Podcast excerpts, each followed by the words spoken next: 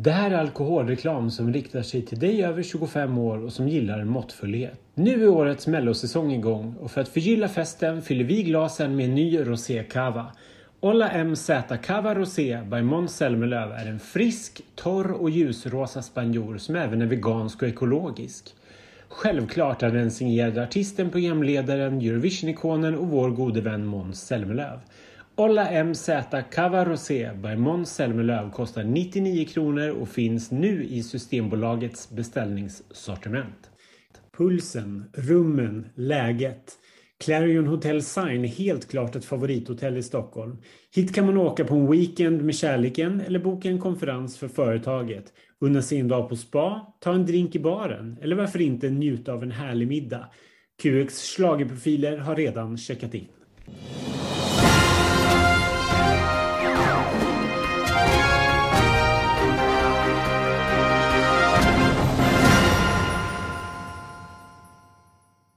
Hej allihopa och välkomna till ytterligare ett avsnitt av QX Schlagerprofilernas podcast som under den här Melodifestivalperioden eh, dyker upp en gång i veckan för att sammanfatta det som har hänt den gångna helgen och blicka lite framåt, både vad gäller Melodifestivalen men också ute i Eurovision.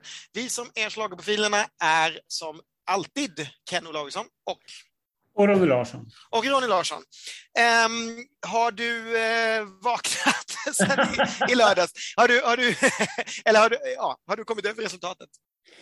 Eh, jo, men det har, det har jag gjort. Alltså, så här, det, är inte, det, är inte, det var inte så illa. Jag menar, det var inte, så här, det var inte katastrof. Liksom. Det var mest att, så här, att jag är fortfarande störd över att ha så, så fel. Att, liksom, att John Lundvik var så älskad och att folk tyckte att den låten var så bra. Mm. Eh, som störde mig, tror jag, mer än att, liksom, än att det hände. För jag var så säker på att det här kommer inte funka. Och sen så bara gör det det och, så, och det gör det med liksom, budget, eller vad man säger att det var liksom så här, äh, tolver överallt ifrån. Och, och för mig är det, det är lite obegripligt ändå, tycker jag fortfarande i efterhand. För att jag, för ingen i min bubbla liksom, och det är inte så att jag bara hänger med slagbögar som tycker att Alvaro är the, the shit liksom.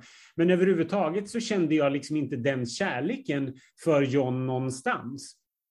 Så den, kom, den kommer liksom så utifrån myllan som jag har så dålig koll på. Nu känner jag att så här, all bets are off. Nu kommer bara... nu kan vad som helst hända inför kommande. För Jag förstår liksom inte. Jag har nog haft tidigare här varit så här, ja, men du vet, ja, men så här Salem Al Fakir för länge sedan som alla älskade. Som jag bara, Gud, vad är det här för tråkigt?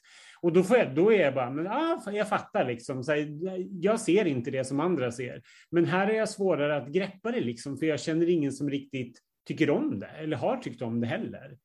Nej, Nej jag håller med dig helt. Det kom inte som någon, som någon chock. Men jag var kanske inte så förvånad Alltså det är ju någonting med John. Han lyckas ju vinna det, men alltså, folk älskar honom. Det funkar. Mm. Och, och framförallt så sjunger han ju väldigt bra och då kan man sälja det mesta bevisligen.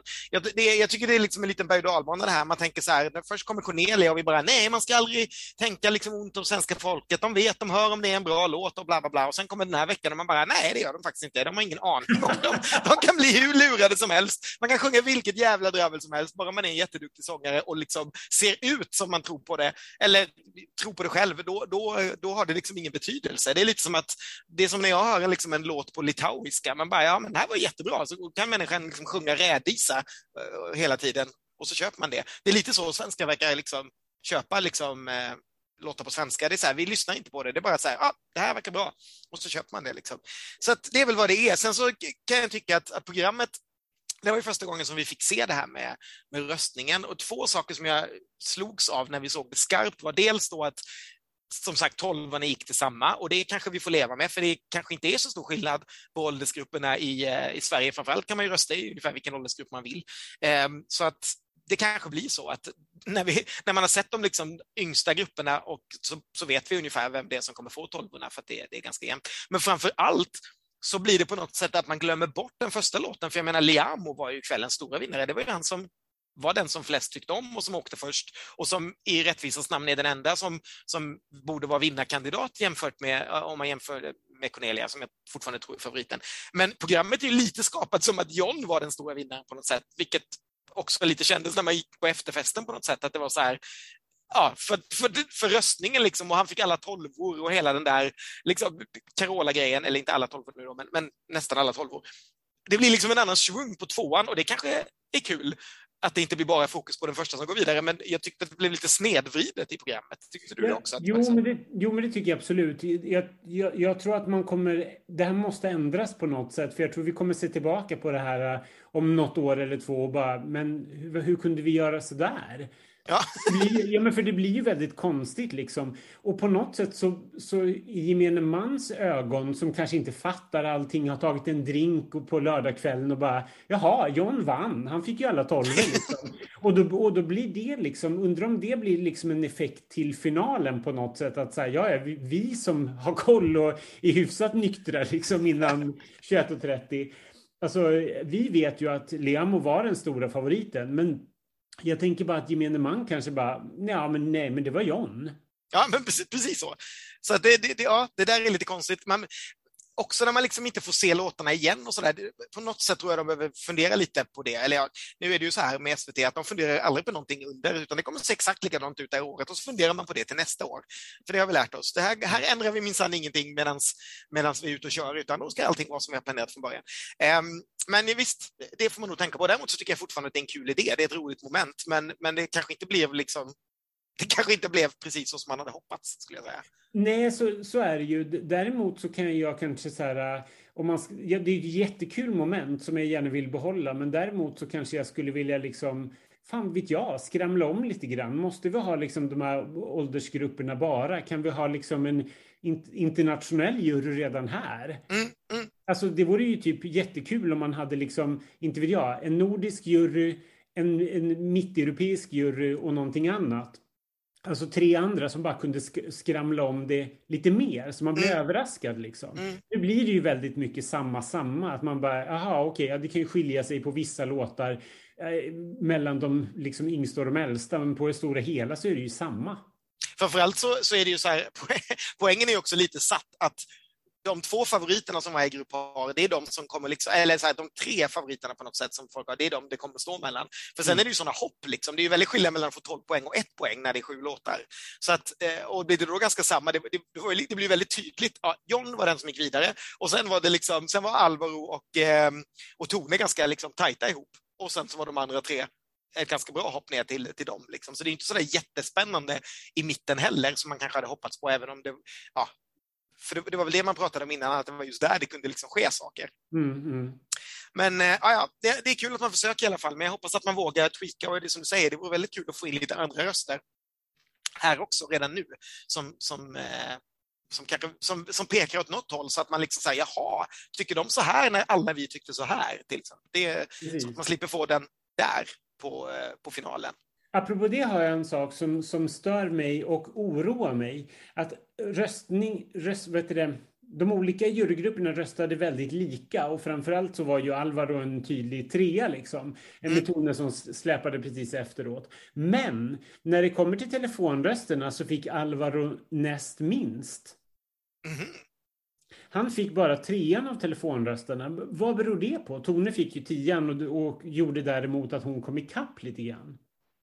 Ja, det är en jättebra fråga. För det, det är ju ändå liksom det, det, har ju någon form av röstningsbenägenhet, eller med någon form av röstningsbenägenhet att göra. Det är ju de som är villiga att betala för sina mm. röster, som, som, som liksom vill lite mera. Eh, så, så det skulle kunna vara, nej men det, det kanske då mer är de som har väldigt engagerade fans, som till exempel Tone, som, som verkligen liksom vill göra allt och lägga alla röster man kan. Eh, eller, också, ja, eller också är inte Alvaro så populär som vi hoppas. Nej, för det är konstigt ändå att, man, att, man är, att han liksom hovar in åttor och tior i princip rakt, ja, rakt igenom. Mm. Förutom när det kommer till telefonrösterna där han bara får tre. Liksom. Det var bara Lisa och Niello som fick, fick mindre. Liksom. Mm. Intressant. Ja. Eh, och skrämmande för mig inför semifinalen. Intressant säger du, jag säger skrämmande. mm. Ja, nej, men så är det. Annars så, så var väl liksom Tone den, den överraskningen som vi kanske inte såg, vilket jag bara tyckte var väldigt roligt. Sen måste jag säga att när man väl satt och såg det eh, så var det en sån här klassiker, liksom, vilken skillnad det var när, man, när det var skarpt läge och det kändes som att hon bytte frisyrer och lite sådär under gången och hon framförallt blev mycket säkrare och säkrare. Så det, var, det var inte alls så förvånad när jag satt där, men vi tippade ju inte det och det, det, det hade absolut inte tippat det eh, baserat på det vi hade sett. Eh, ändå. Liksom. Men, men nu så känns det så helt självklart att hon var fyra. Ja, Eh, men absolut, så kände jag också. Att jag bara, gud vad bra hon är. Alltså Mm. vilken, vilken uppryckning och, och vad hon levererar när det väl gäller. Och så, så det leder mig lite grann in på att det här, det här är ju min liksom stora pudel den här veckan. När jag såg det här igår, flera gånger också, för att min sambo är också smått besatt, det var hans stora favorit.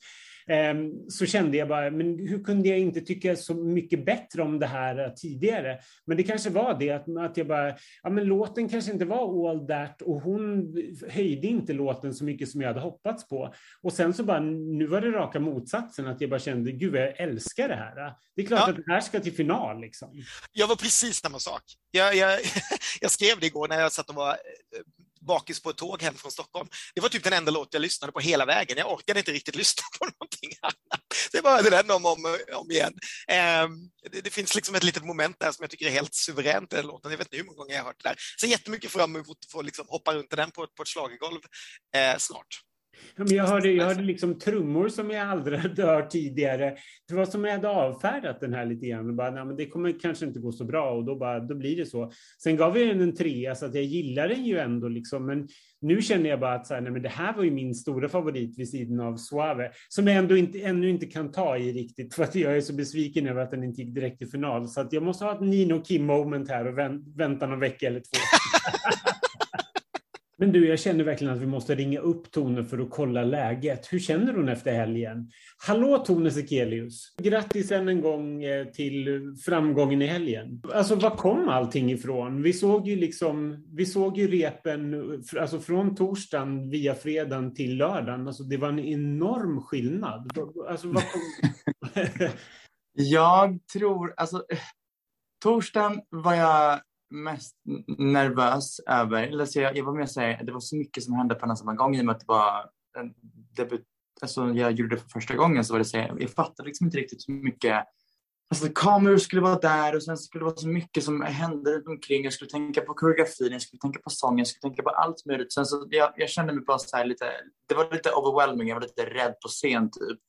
Och sen gick jag hem på torsdagen och bara, nej men jag, alltså, jag kan liksom inte, jag kan inte, jag, jag kan inte leverera det här. Det här kan inte vara min debut. Så jag gick hem, ställde mig framför spegeln och bara, okej, nu kör vi. Um, repade, kom tillbaka på fredagen och um, det klickade någonstans för mig att jag, jag, måste, jag måste bara ha kul. Typ. För att om jag själv har kul och om jag själv njuter på scen, då kommer det också lysa igenom och synas i, i tv. Och det hoppas eller det antar jag att det var det som hände. Jag, jag, var, jag var så nervös innan jag gick ut på scen. Och sen när jag körde igång allting så bara, okej, okay, men nu, nu, nu är det bara liksom att slappna av och typ njuta. För att antingen så njuter jag eller så övertänker jag de här tre minuterna. Så det är så här, jag har bara tre minuter att leverera på och det Mm. måste jag göra till det bästa jag kan. Och då är det bara att köra. Och jag försökte typ inte övertänka den lilla, lilla klädmissen som hände på scenen.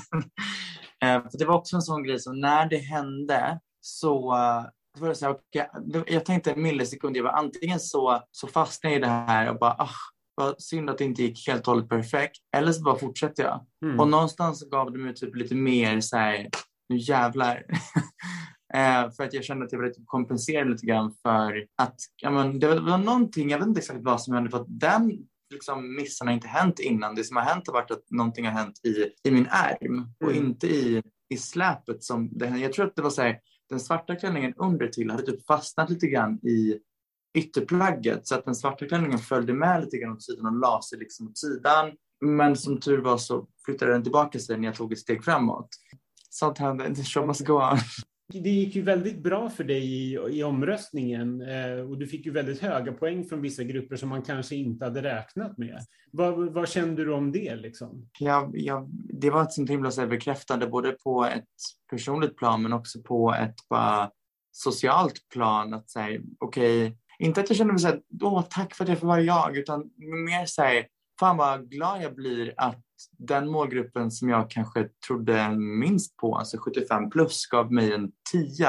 Mm. Ehm, och vad glad jag blir att de tyckte om mig och mitt nummer. Och, eh, jag vet inte, det, det var bara en sån himla bek- bekräftelse på både en, ett, ett, en liten skala bara mig och en större skala när det kommer till transpersoner överlag. Det kändes bara så himla fint. Vad har du för, fått för några reaktioner i övrigt? Håller du koll på sociala medier, vad folk skriver och så? Eh, både och.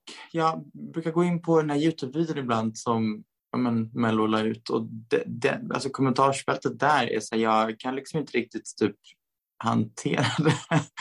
För det, det är så himla fint bara. Folk som tycker att låten är väldigt så här, som en anthem och att folk är så stolta över mig och att folk tyckte att liksom, performancet var väldigt bra och att den känns väldigt så här, Eurovision Song Contestig och det gör mig bara väldigt glad och ännu mer så här, peppad på att lära upp i semifinalen mm. och förhoppningsvis ta mig till final. Mm. Finns det mer material liksom, som är redo att släppas efter, efter den här låten? Um, inte än. Jag har en hel del på min liksom, Google Drive, så att säga. men ingenting som är liksom planerat att uh, ja, i vilken ordning det kommer och så vidare. Mm. och så vidare. Just nu är det väl bara Mello som ligger i fokus och sen, sen kommer förmodligen någonting släppas innan sommaren också. Så något, något lite mer samrigt. Okej. Okay. Så hur troligt är det att, eh, att du blir den första transrepresentanten i Eurovision? Eh, ja, man får väl våga hoppas och sen så får man se hur långt det går. Men eh, jag tror ändå att det finns någon chans att man går vidare från semifinalen och sen så eh, får man ta det därifrån. Det, det har varit hyfsat bra för dem idag såg jag på, eh, på Spotify också, även för eh, Samira och eh, framförallt för Nelo och Lisa som var den som har gått bäst när folk fick lyssna eh, igår. Så det är lite kul att det funkar. De har väl fyra tror jag, Nelo och Lisa. Så ja. kanske en låt som går bättre på radio än i tävlingen. Ja, men det där är kul. Men eh, där, där finns det ju någonting som kanske är värt att ta upp det är det liksom lite bra ändå att låtarna släpps och, och blir hits. Um, och, och, kanske lite grann en fördel. Är det, är det bra att det sprids ut så mycket som det gör? Liksom att eh, ja, men låtarna får pytsas ut med jämna mellanrum och så får vi finallåtarna mot slutet? Ja, men jag tror det och jag tror framförallt att ja, snart är vi nog förbi det här också att de här två final, de som går till final inte släpps samtidigt för att de finns ju överallt i alla fall. Det, går ju, det, det är liksom, SVT har ju försökt plocka bort saker under år, men det är möjligtvis att man har liksom koll på Youtube, men det, går ju bara, går man in på liksom TikTok eller vad som helst så ligger ju liksom Cornelia och de där och att inte fansen får liksom hålla på och bolla med de där, det, det, det, det känns lite gammalt. Jag tycker, att, jag tycker det är ett härligt, släpp dem varje vecka så har vi dem. Jag tror inte det skulle ha så jättestor betydelse. Vi har ändå den här chansen som ligger där och liksom kan boosta upp saker emellan och låta alla finallåtarna vara ute. Och sen när finalen kommer, så jag tror inte, jag tror inte Cornelia är en mer, större eller mindre favorit om den har varit släppt en månad innan, om man säger så, när vi väl kommer till om vi ska välja vinnare. Um, så att jag tycker det är rätt härligt. Det är väl bra att det sprids ut. Skulle allting släppas på en gång, då skulle, skulle många fler försvinna, tror jag. Nu får ju alla en chans. Liksom. Mm. Ja, det är intressant, för det finns ju fördelar med att släppas tidigt och det finns nackdelar med det också. Jag menar, folk, mm kan ju också tröttna på det och känna att så här, ja, men nu har vi ju hört det här en månad, och det här var fräscht. Liksom. Mm. Samtidigt som det kan betas in i folks medvetande, de bara, det här är ju en hit, det här röstar vi på. Liksom. Mm. Ja, nej, det, är, det ska bli spännande att se vilka, vilka som eh, tar sig vidare från Andra chansen. Vi vet ju liksom ingenting vi, Jo, vi vet vilka som är tre och fyra nu, eh, men vi vet inte vilka som kommer möta varandra, för det kommer ju lottas. Så det skulle kunna vara så att eh, Alvaro möter eh, Hallabaloo eller att eh, Alvaro kanske möter eh, Tone. Det vet vi inte. Men eh, lotta det helt enkelt. Mm. Ja, den, den dagen, den sorgen känner jag. Är det någonting annat vi ska ta upp innan vi går vidare från eh, och lämnar deltävling två helt enkelt? Eh, nej, det var ju efterfest för en gångs skull. Det var ju ett tag sedan som man var på det. Det tyckte jag var lite trevligt att det ändå blev, eh, blev lite party efteråt och man fick eh, gå och säga, prata liksom, lite med folk. jag blev lite förvånad när John kom fram och började prata så jag tänkte att han har nog inte läst vad jag har skrivit. Men jag, jag log och såg glad ut och gratulerade som, eh, som en artig person. Så att, ehm, ja, nej men eh, det var, det var kul. Det, det, det finns ju, det är ju liksom en glädje ändå där som, som är så kul att få liksom kanalisera, att man liksom ja, nej, men det, för mig är det en så stor del av det vi som har gjort det här nu i så många år, så det var så skönt att det var tillbaka för första gången på två år. Liksom. Sen även om det inte var någon sorts officiell grej så var det ändå att man kunde träffa folk och ta i dem, eller på att säga, men, men att restriktionerna var borta. Eh, så det, det, kändes, det kändes himla häftigt tycker jag. Men det är väl det. Jag vet inte om det är någon vi vill prata med från helgen som har varit. Eller eh, ska vi trycka in någon intervju här tycker du i, i vår lilla podd? Jag tycker vi trycker in en intervju och än en gång så har Ken inte hört till intervjun när det här spelas in, utan det är jag som har gjort den. Och jag ringde faktiskt upp eh, Anders Wrethov som har skrivit vår stora favorit Änglavakt den här veckan. Hallå, hur mår du? Det känns ju skitbra efter helgen. Så himla, himla kul alltså. Jag förstår det. Det gick ju väldigt bra för dig. Du, du fick en låt direkt till final och en låt till semifinal. Hade du förväntat dig den här framgången? Nej, men det känns ju så otroligt roligt med eh, John Lundvik. Har ju varit en liten egen grej med att det är första gången han, han gör på svenska och sen komma tillbaka då efter Too Late for Love. Eh, så det var ju lite nervöst ändå, sådär hur, ja, hur folk skulle uppfatta det och känna det. Men jag har hela tiden känt i magen att jag älskar ju den här låten och känner att Äh, John måste ju bara göra det här. Det var ju faktiskt skriven på engelska från början och sen skrev vi om den då till svenska för John. Så att eh, det känns så otroligt roligt att, det, att det verkligen funkade och att det funkar så bra. Just att få den här analysen då från olika åldersgrupper, den var ju så otroligt fin att se. För det är ju inte bara sådär att 50 plus eller 3 till 9 gillade utan att det var så brett. Så att eh, är så otroligt kul. Och sen då i andra sidan med Tony Sekelius då som, som jag har känt ett tag och vi skrev den här låten för Talk Some Away och får, får man lite liten del av, av det här då med att hon är första transpersonen var med i Mello. Och, och samma sak där, att den också gick så fint hem bland så många åldrar. Det var också otroligt fint att se. För att det mm. hade ju jag lite fördomsfullt så här, tänkt att så här, 70 plus kanske 80, att de kanske skulle känna vad är det här? Men det, så var det inte och det visar också att så mycket fint folk det finns här ute. Jag tänkte på Johns stora genomslag. Många, inklusive jag själv, eh, kritiker var ju lite, lite skeptiska till Johns framförande och text. Men kände du liksom hela vägen att men det här tror jag stenhårt på så att det kommer funka? För det visar sig att folk älskar det ju liksom. Ja, det är klart man tar till sig. Jag följer ju er och eh, andra tidningar, tycker det är kul att, att och se vad ni skriver och vad ni känner. Det, men jag tar ju inget så här för personligt. Jag tycker det är intressant analys ju, verkligen. Men jag tror så här, det är ju lite nytt för att John Lundvik och den här låten Änglavakt, det är ju, eller kanske bara från mitt håll, jag menar inte att det skulle vara helt annorlunda, annorlunda någonting annat, men det är ju inte liksom Victor Lexell och det är heller liksom inte kanske mognaste schlagerballaden. Så, då kan det också bli lite mittemellan, kanske första mötet så här med han då på scen med den här texten kan ju bli lite så man tänker, vad är det här egentligen? Så det kan jag förstå. Och eh, det är ju extra kul då att faktiskt folk där ute ändå kände det som eh, jag själv i alla fall känner och hoppades på. Så att det här är verkligen en fin låt som kan, ja, men som kan, som, som kan ta en plats i, i vardagen liksom, och i livet och för den man håller kär eller för den som verkligen man har mist. Eller så här. Det, det, är ju, det, är ju, mm. det, det, är ju svårt det på svenska och ballad och så. Det är klart det är det. Jag, jag, jag gillar ju inte själv för, för cheesy eller för upp, uppenbart samtidigt som jag, jag jag gillar ju också när låtarna är tydliga och man får, att de fäster direkt sådär. Så att, eh, och hitta den balansen sådär, det, det, är ju det är inte alltid lätt. Så absolut, det är klart att man var lite nervös. Man, man tar in olika intryck från ja, vad ni och andra tycker sådär. Ja, det är ju jätteroligt att det verkligen gick hem liksom.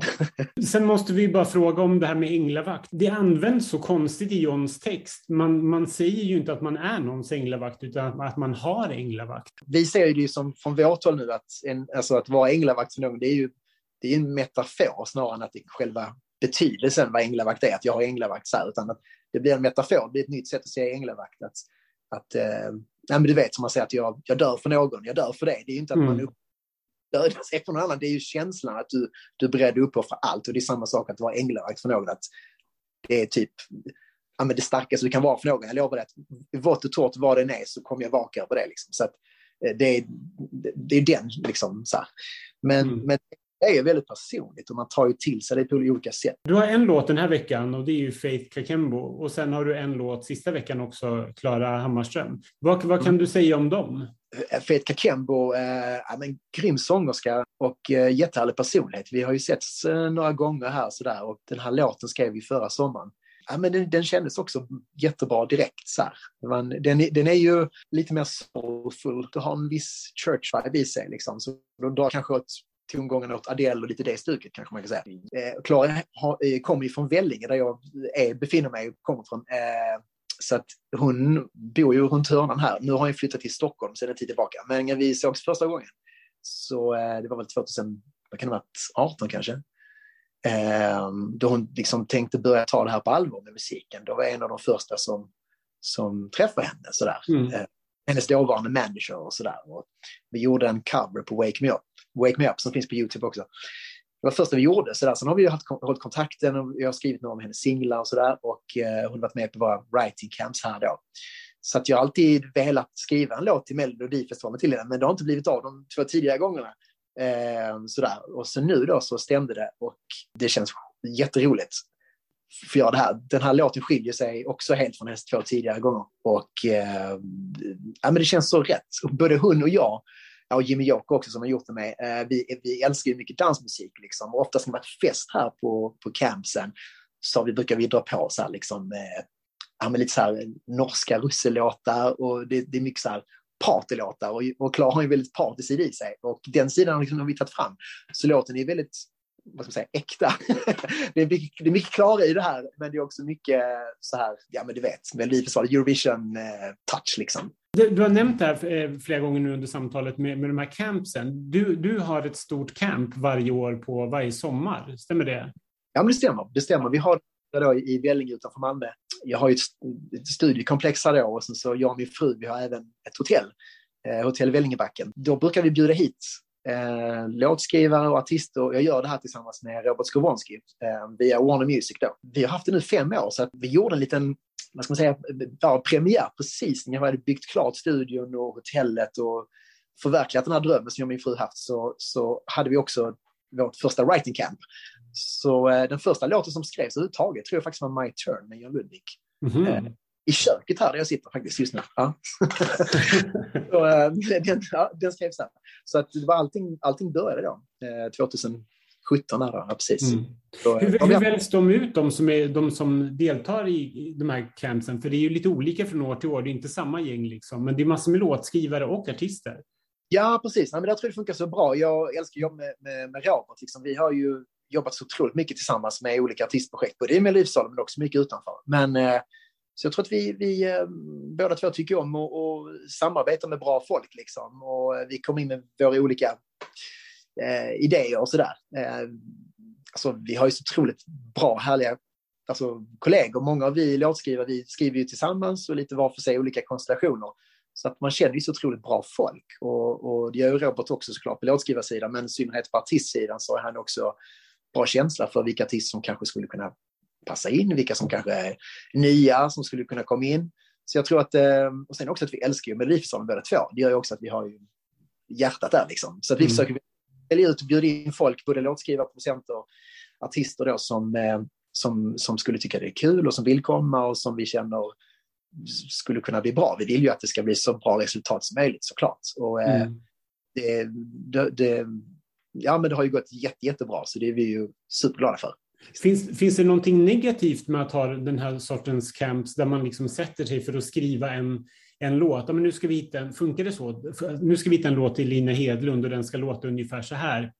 Jag tänker mest bara att man kanske går miste om det här liksom organiska eller det här, äh, den, den kreativa processen, att den känns lite framtvingad, om du förstår vad jag menar. Precis vad du menar. Eh, vi då här, vi har varit med på många andra writing camps och många camps jag har varit på är ju, är ju jättebra. Det är ju alltifrån liksom ett pitbull camp och dominikanska med pitbull själv och eh, amerikanska alla möjliga låtskrivare. Vissa har man aldrig träffats innan och ibland blir det lite som du är inne på där kanske så här lite forcerat liksom. Skriv nu en hit och så har ni två timmar på er och det är folk man aldrig har träffat och sådär. Så att ibland funkar det, ibland blir det bara så här, jaha. Men oftast leder ju andra saker till, att man träffar kanske någon ny som man känner man klickar med och känner att här finns det någonting att samarbeta vidare på, så det kan leda till fler saker.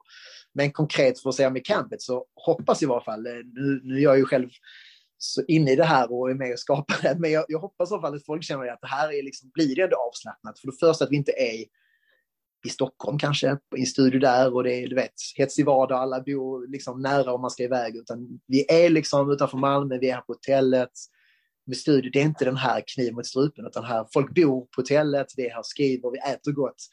Det är jävligt kul liksom. Det blir, visst är det allvar, för att alla här vill ju prestera någonting och de som vi bjuder in har vi bjudit in av en speciell anledning.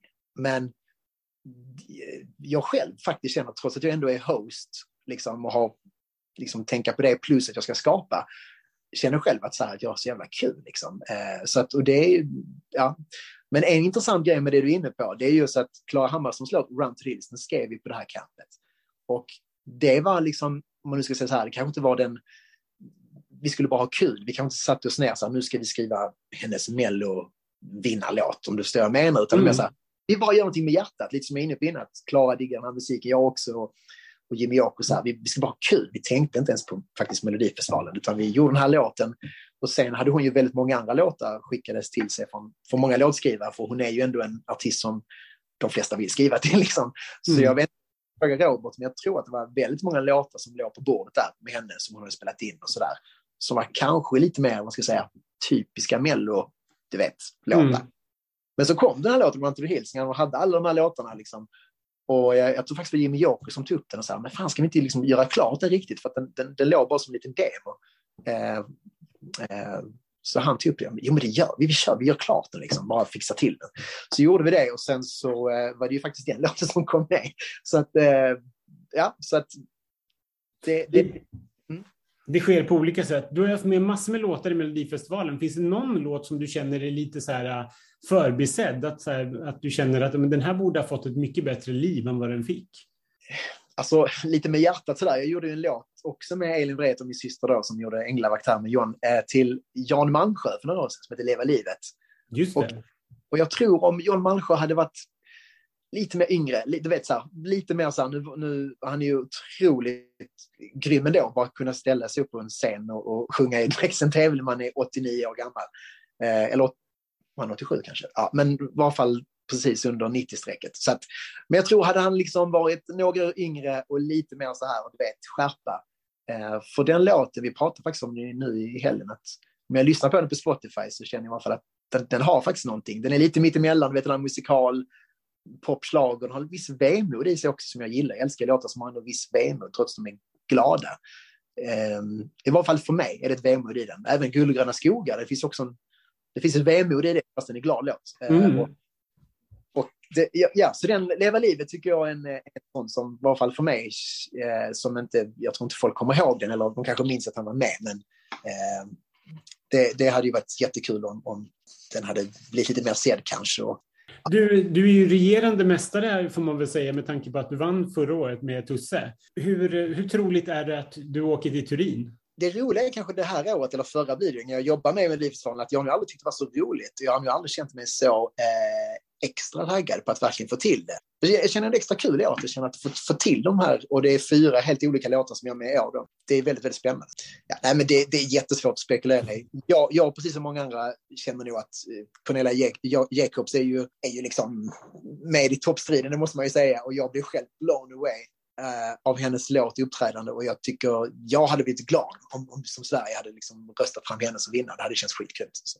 Men, Har du mer låtar i andra länder eller är det, är det bara Sverige i år? Jag, jag har faktiskt aldrig liksom skickat ut låtar så här. Det är ofta är det när någon hör av sig, så här, någon delegation. Så här. Jag, jag har inte eh, liksom, jobbat, för jag tycker det är kul när någon hör av sig och det finns någon speciell eh, artist i åtanke. Så var det ju Melanie Ferreira med Fuego till exempel. Men jag har inte eh, liksom, jag har inte jobbat för det. Jag har inte haft eh, fokus kanske just på det, även om jag tycker Eurovision är ju skitkul. Liksom.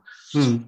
Det som vi gjorde, men det gör vi faktiskt till nästa Eurovision med ett land som håller på med en artist och sådär. Så jag, jag tycker det är oftast roligare att jobba med artisten och ha liksom någon slags kontakt än bara kanske skriva en låt och så skicka till folk. Jag, vet inte, jag, jag, jag tror jag jobbar bäst i alla fall när man har en viss eh, ja, men idé eller en artist klar, man har någon slags connection. Så, här, liksom. Så, kan, så du kanske dyker upp nästa år i Eurovision? Ja, men i alla fall en, en låt nu som vi håller på med, en artist har jag med i ett annat land som, som, eh, som känns bra och kul. Så att det blir, Ja, spännande. Eh, sen måste jag slutligen fråga, när kommer Like Fire Tonight 2 med Ginter? ja, gud vad glad jag blir nu. Alltså, det är Ronny, det, det blir grejer alltså. Ja, det, det får vi se. Du, tack så jättemycket och än en gång grattis och sen så, ja, vi ses till helgen helt enkelt. Ja, men det gör vi. Ser fram emot. Då kanske vi ska eh, lämna Mellovecka 2 och blicka fram mot Mellovecka 3 lite kort innan vi hoppar ut i Europa. Vad kan vi vänta oss eh, från kommande vecka? Vad, vad kan vi säga till alla som sitter och undrar? Ja, det vi, det vi har framför oss är ju Cassiopeia, Lancelot, Lisa Miskovsky, Tribe Friday, Faith Kakembo, Linda Bengtzing och Anders Bagge. Men du, jag tänkte på en grej. Det är ju ganska killtungt än så länge. Det är ju bara en brud i eh, finalen och det är bara en brud i semifinalen. Mm. Ja, det, det, det har också slagit mig, så jag hoppas verkligen att nu, nu, nu röstar vi vidare tjejer och det kanske inte riktigt lutar åt det kan man väl säga. När man, nu ska vi inte säga så mycket, men, men det, det ryktas ju i alla fall om att, att det kanske är två låtar som det snackas om en hel del i den deltävling som kommer. Och det är ju inte två kvinnor som sjunger de låtarna, utan att säga för mycket. Så det, det, jag hoppas på en skräll från, från förhandsnacket i alla fall när jag väl får höra låtarna. Absolut. Saker, saker och ting kan ju ändras och till, till andra chansen, hur det än går, så kommer det ju gå en tjej i alla fall till andra chansen. Det kan vi säga med, tanke, på att det är fyra tjejer som är med och tävlar. Så det, så det är positivt eh, i alla fall. Nej, men det ska bli kul att se vad det, vad det här är för någonting. Det känns ju som att det har snackats en hel del om, om Bagge och hans låt. Liksom. Mm. Nej, det, ska, det ska bli väldigt eh eh, intressant att se hur, hur, det här, liksom, hur det blir live och hur låten är. För jag menar, låten har väl typ vårt, vårt dreamteam, eller ett av våra dreamteam vad gäller låtskrivare eh, i, i Gesson och Boström. Så att ja, det, det, där, det där känns otroligt spännande. Mm. Och sen har vi ju Linda, som väl alltid är en eh, schlagerprofilerna eh, favorit, vad hon än gör, skulle man kunna säga. Men nu är hon ju tillbaka med dels en låt av Gerson och dels någon som ska låta i alla fall som eh, som det hon gjorde tidigare, som är väl det vi tycker om mest. Och den är också skriven av, eh, men gud, nu tappar jag namnet. Myra Granberg. exakt, vilket jag också tycker låter väldigt spännande. För det, jag, jag gillar, man gillar ju när det kommer in liksom de här nya namnen som också är de som har haft hits liksom, på senare tid. Ja, men det är jättekul tycker jag. Sen, fin, sen finns det ju lite andra eh, härliga låtskrivare. Paul Ray till exempel har ju skrivit Cassiopeias låt tillsammans mm. med Cassiopeia själv och två andra. Och sen Niklas Karlsson Mattsson, han ligger ju bland annat bakom Hanna Färms supersuccé från i somras. Nej, och har rönt en del framgångar i Melodifestivalen också. Mm. Eh, så det är, jätte, det är jättespännande. Liksom. Framförallt så skrev han väl Svag, som är väl kanske en av de största hitsen Sverige har sett de senaste under hela pandemitiden, så är väl det liksom den stora hiten. Så det, det, det är ju otroligt häftigt tycker jag, att, att liksom den hetaste låtskrivaren, för det måste man väl ändå ge honom om man har skrivit liksom Färm och Svags, att han är, att han är med med en låt, det tycker jag är jättehäftigt. Att, att det fortfarande kanske, även om man, man vi tjatar ganska mycket om att artisterna kanske inte är liksom, att det inte finns så mycket spännande och roliga namn och att, att just det du sa med Bagge, är han verkligen en artist eller är det bara liksom ett namn? Så är ju ändå låtskrivarna all that, skulle jag vilja säga. Det, det tycker jag är häftigt. Verkligen, och han har ett otroligt bra track record i Melodifestivalen, även om han aldrig har vunnit. Han har gått till final alla tre gånger tidigare som han har skrivit låtar. Och det är ju stora Ronny-favoriter här alltså.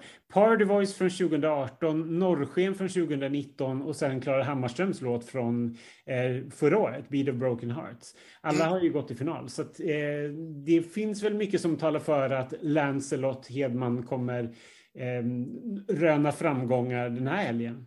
Absolutely.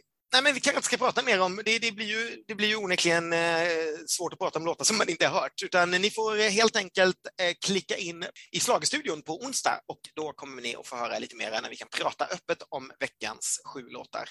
Yes! Ska vi lägga locket på för Melodifestivalen och kasta oss ut i Europa där det har hänt ganska mycket den här veckan, minst sagt. Jag vet inte riktigt vilken ände vi ska börja. Alltså, jag, vi kan börja med två stycken jättestora bråk som har varit i två, två helt olika länder, nämligen Rumänien och Tyskland, vilket är de är ganska lika de här bråken, det är därför jag tänkte ta upp dem, men, men det har ändå varit ganska omdebatterat.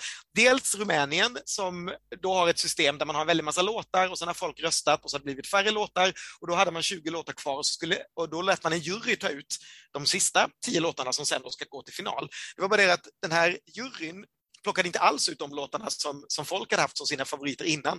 Plus att det ryktades om att de röstade någonstans i mitten på programmet för att det blev massa förseningar och grejer så att de såg inte ens de sista låtarna eh, som kom med. Så det blev, eh, det, ja, så att det var väldigt mycket fans som var otroligt besvikna över de här tio låtarna då som gick vidare och att man liksom hade saboterat typ varenda chans som fanns. Bland annat så eh, den rumänska favoriten Cesar som ju var med i, Göteborg, eh, i Malmö va? Eh, var ju en av de namnen som plockades bort. Så, så där blev det lite ramaskri och kanske ännu mer i Tyskland där man på samma sätt hade en hel massa låtar som en jury skulle välja och där man nu har valt ut då sex låtar som eh, skulle gå till final. Och eh, missade då eh, den, den, absolut största fanfavoriten av dem allihopa, nämligen den med Eskimo Callboy som heter Pump It, som är någon sorts ja, i mina öron ganska vedervärdig blandning av, liksom, ja, men det är lite E-Type och The Poodles, fast kanske ja, liksom Eurotechno möter Growl på något sätt. Det här var ju liksom en, en jättefavorit och den är inte med. Och då startades någon sorts eh, namnunderskriftssamling, så 80 000 personer har skrivit på massa namnunderskrifter och skickat in då till, till det tyska tv-bolaget att den här låten måste komma med. Men nu gick de ut igår och sa att nej, vi, vi står fast vid de här sex, den låten kommer inte att vara med. Eh, så ja, det, så kan det också gå till i lite olika länder i veckan. Gud, vilket drama. Mycket, mycket drama i Rumänien och i eh, Tyskland.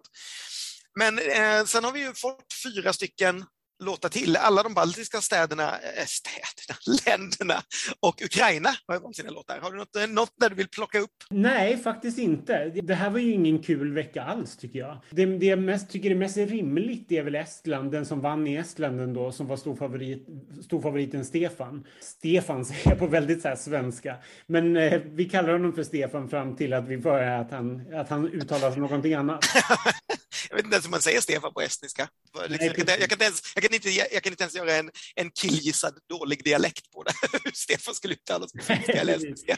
Men vi ska, inte, vi ska inte fastna i det. Han fick i alla fall Turinbiljetten med sin låt Hope som vi pratade lite grann om tidigare. Mm. Som är väl en eh, väldigt country-doftande sak som blir ännu mer country när det är liksom en, en duell som utspelar sig på scenen och det är flygande gamar i bakgrunden och höbollar som far för vinden. Liksom. Men det kändes ju i alla fall som att han var den stora favoriten. Han fick igång publiken rejält i eh, Saku Surhall. Ja, där, där, tävlingen hölls i helgen. Mm. Nej, men det var, det var väl ganska väntat, eh, kan man säga. Den, den, stora favoriten i Litauen vann också med en, med en låt på litauiska som heter Sentimentai man, jag vill hela tiden säga sentimental, men det är inte ett L på slutet, det är ett I, med Monica Liu eh, som, som jag inte förstår, eller ja, det, det är någon form av jazzig eh, sak. Den är väl rätt skön, men det känns som att den tävlingen såg man inte, men jag har bara lyssnat på låten efteråt och det känns så här, jaha, vad är det bästa ni hade? Det känns inte riktigt som att det, det skriker kvali, liksom, kvalificering, men samtidigt så kanske det här är liksom motsvarigheten till den här franska låten som kom eh, två förra året. Det, är lite det, man, det känns som lite det man vill gå, gå mot, liksom, att man sjunger något på sitt nationella språk med en, med en låt som kanske inte känns som dagens pop direkt. Ja, det är i alla fall Litauen. Lettland däremot eh, hade ju en annan stor favorit som gick vidare, nämligen Eat your salad med eh, Citizeni och det är ju också en fruktansvärd låt. Alltså det är väl typ den typ av musik som jag överhuvudtaget inte klarar av. Det är någon sorts, ja, det är veganfunk helt enkelt. Men å andra sidan så tror jag att det var absolut deras bästa chans. Jag menar, det är ju det är ju den låten som alltså börjar med en barnförbjuden rad som man inte får sjunga ens. Men eh, den kan ni lyssna på på nätet om ni vill. Ja, nej, men jag, jag, tror ändå att den, det kommer bli en form av snackis. Jag tror att den kommer lätt kvalificera Lettland till final och säkert komma en bit upp. Det är den typ, typen, typen av låt som, ja, men som typ Storbritannien skulle kunna ge 12 poäng. Liksom. Som, som går jättebra fast det egentligen bara är skit. Det är för alla de som egentligen inte gillar Eurovision men sitter och tittar, de kommer att älska den här grejen. Det, det är också så här, på något sätt är det ju svårt att hata för mycket på det när de sjunger om sitt miljömedvetna budskap om att man ska äta sallad och använda återvändningsbara påsar och allt vad det är. Det är ju väldigt, liksom, väldigt gulligt budskap efter den här första linjen i början. Men det är bara en helt, helt enkelt en vedervärdig låt.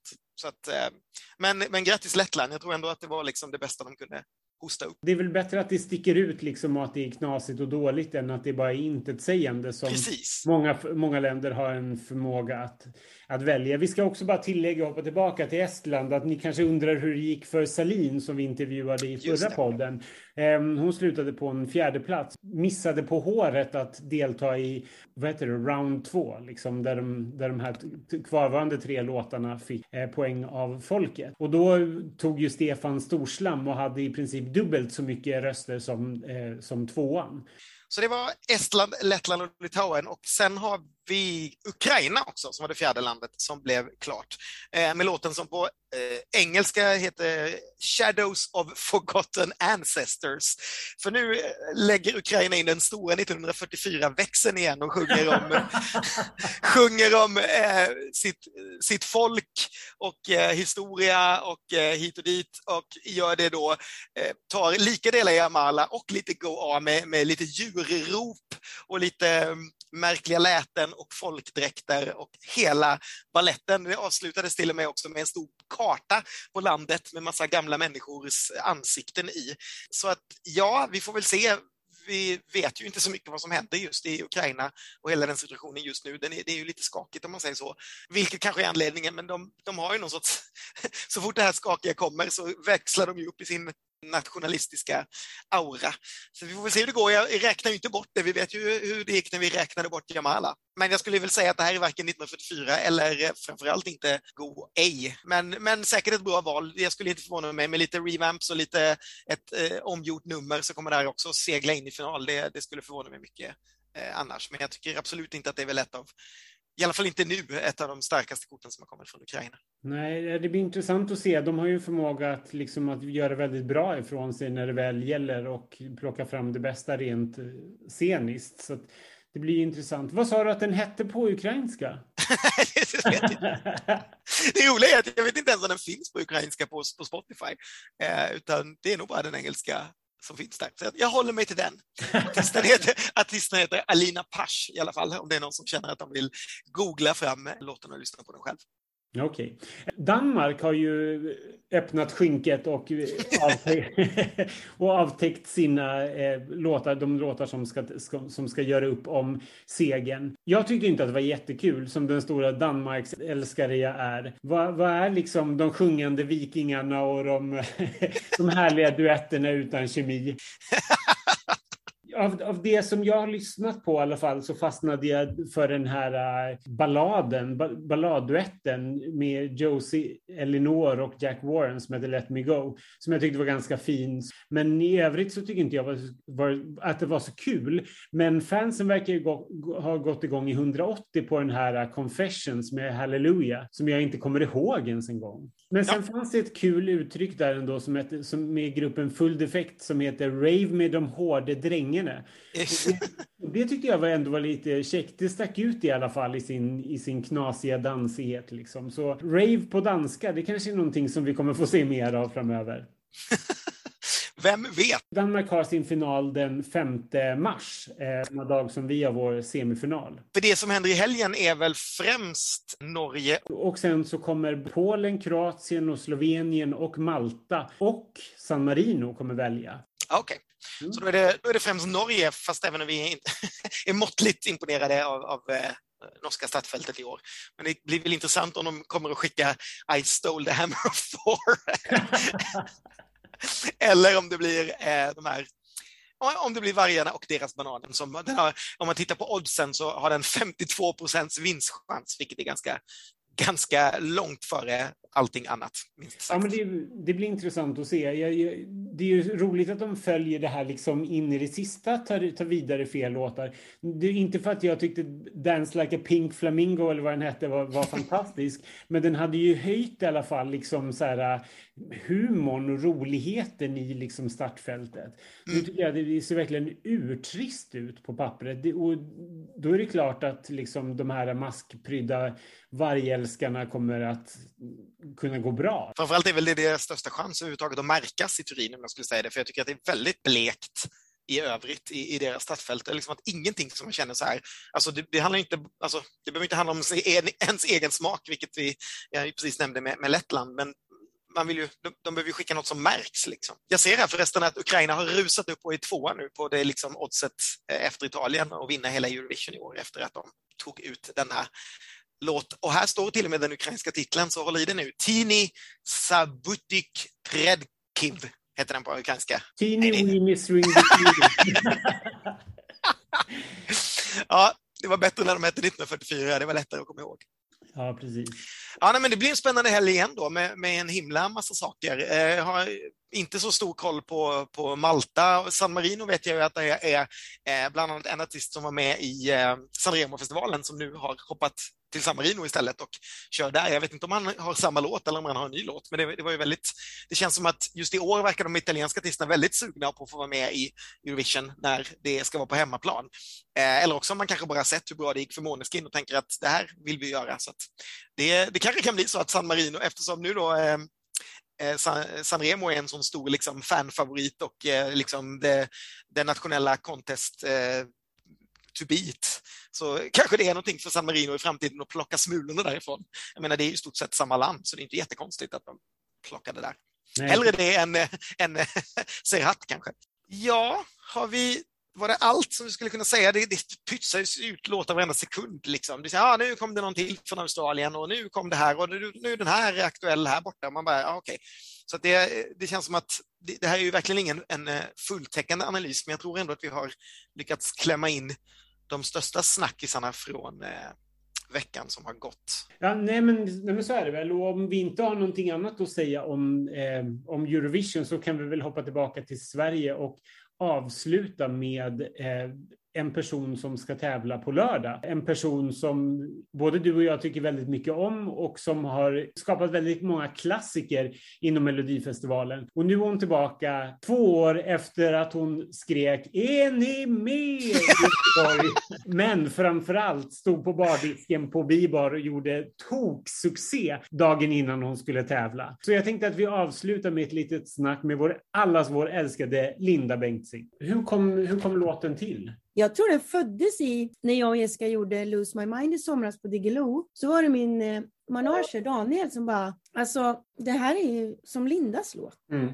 Ska jag ha en sån här låt? Så att eh, det var han som först kontaktade Gesson och sa att nu får du börja fundera lite på något mer liksom modern poppigt. Och så hade vi några så referenser. Och Gesson har berättat själv att när han fick de referenserna, eh, typ fan, fan vad bra, stå på stationen där, du vet, och mm. lose my mind, slå mot ansiktet och ändå är det fel på mig som Thomas faktiskt har skrivit. Då sa han att det var som att cykla. Alltså det tog en kvart så hade han skrivit den här låten. Mm. Men jag har den versionen kvar. Du ska få höra den någon gång. Och sen, och sen så var det på banan liksom? Ja, sen blev det ju ett pussel. Sen var det ju liksom, okej, okay, Gesson har eh, hällt i sin viktiga ingrediens. Jag åkte till studion, hade inte ens en text. Skrev den i typ på vägen dit och lite där. Och så ska det inte riktigt vara kan jag tycka.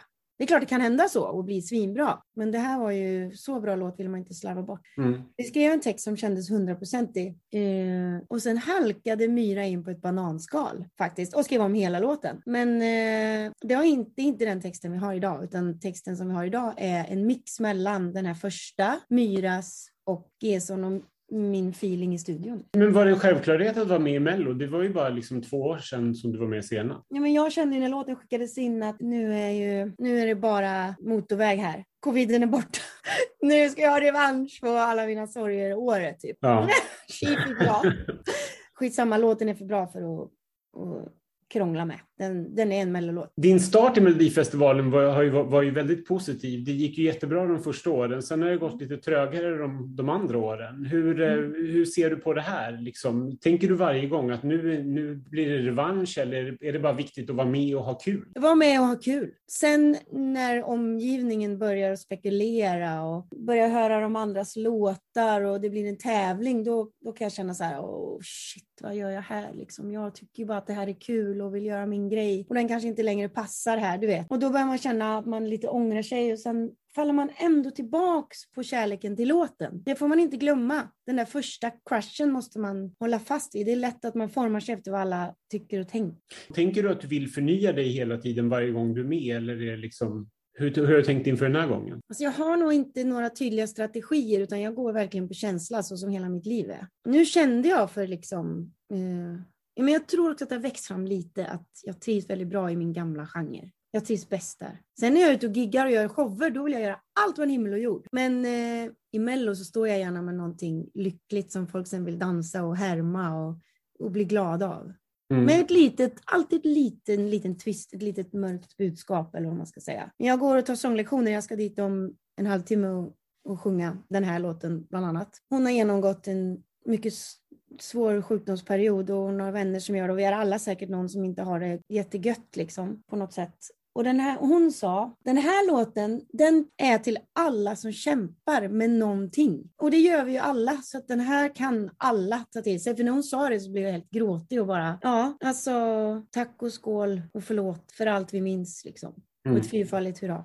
Oftast när du är med så händer det oväntade, oväntade saker. Det, du kommer av dig, du snubblar till. Ja. Senast så fick du feeling och ropade ut. Är ni med? Ja, jag blir så taggad. Jag blir övertaggad och jag kan inte hålla tillbaka. Det är skitjobbigt. Jag har tänkt vad kommer att hända i den här låten. Jag har sjungit den så många gånger innan, det har aldrig hänt förut. Jag är fruktansvärt förberedd sångmässigt för den är väldigt, väldigt jobbig att sjunga. Okej. Jag får kramp i magmusklerna, alltså på riktigt kramp. Och det innebär att man sjunger någonting väldigt mycket så blir den trygg och man börjar få feeling. Så det pekar väl åt feeling, att jag får feeling. Sebastian eh, Lydqvist har jobbat med dig när det gäller kläderna. Ja. Vad, vad, vad kan du säga? Du, du lär ha på dig någonting väldigt, väldigt stort. ja väldigt mycket och väldigt mycket färg och men jag vet inte riktigt hur det här ska bli för att vi måste testa det på scenen. Det går inte att, att riktigt eh, se om det går att genomföra. Ja, vad spännande. jag tänkt. Ja, och jag ringde faktiskt Sebastian innan jag ens hade skickat in låten. Ja, det var så tidigt. Ja, för att han, eh, han räddade ju mig på alla mina sorger i och med att jag hade något, någon svart sorglig historia som inte ens gick att ha på scenen typ. Ja, okej. Med de röda kläderna i alla mina sorger. Och då kände jag att nästa gång jag är med, om det är om tio år eller två år så ska Sebastian få revansch. Mm. Vara med från början. Har du sett de två tidigare nu deltävlingarna i Mello? Och vad tycker du? Har du någon favorit liksom, eller vad tycker du om programmet? Ja, Jag tycker de som har gått vidare först där. Det är ju ett väldigt nytt sätt som man tycker är skitläskigt. Det här omröstning och appar som inte funkar och appar som plötsligt funkar och så ska det räknas upp ålderskategorier. Allt är så läskigt. Men de låtarna har ju varit, det har varit så självklart. Det har inte varit något snack. Och därför är man ju livrädd för den här veckan för jag tror inte att det kommer vara lika självklart. Finns det mer material efter, efter den här Mellolåten som du vill släppa och ska släppa? Finns ingenting. Jag har inte ens tänkt så långt. Alltså jag sitter och jobbar på parallella saker och versioner av den här låten för den är väldigt, väldigt bra. Skulle Mm. funka både i en slow och eh, dance version. Och... Nej, jag har inte ens tänkt på det, för jag har ju släppt musik nu så mycket under coviden. Men jag har ju mitt där projekten där jag inte är jag. Just det. Ja, det ju det jobbar jag med på. Det har fan glömt att göra något som är jag. ett hemligt Linda Bengtzing-projekt som inte är Linda Bengtzing. Mm. Vad spännande.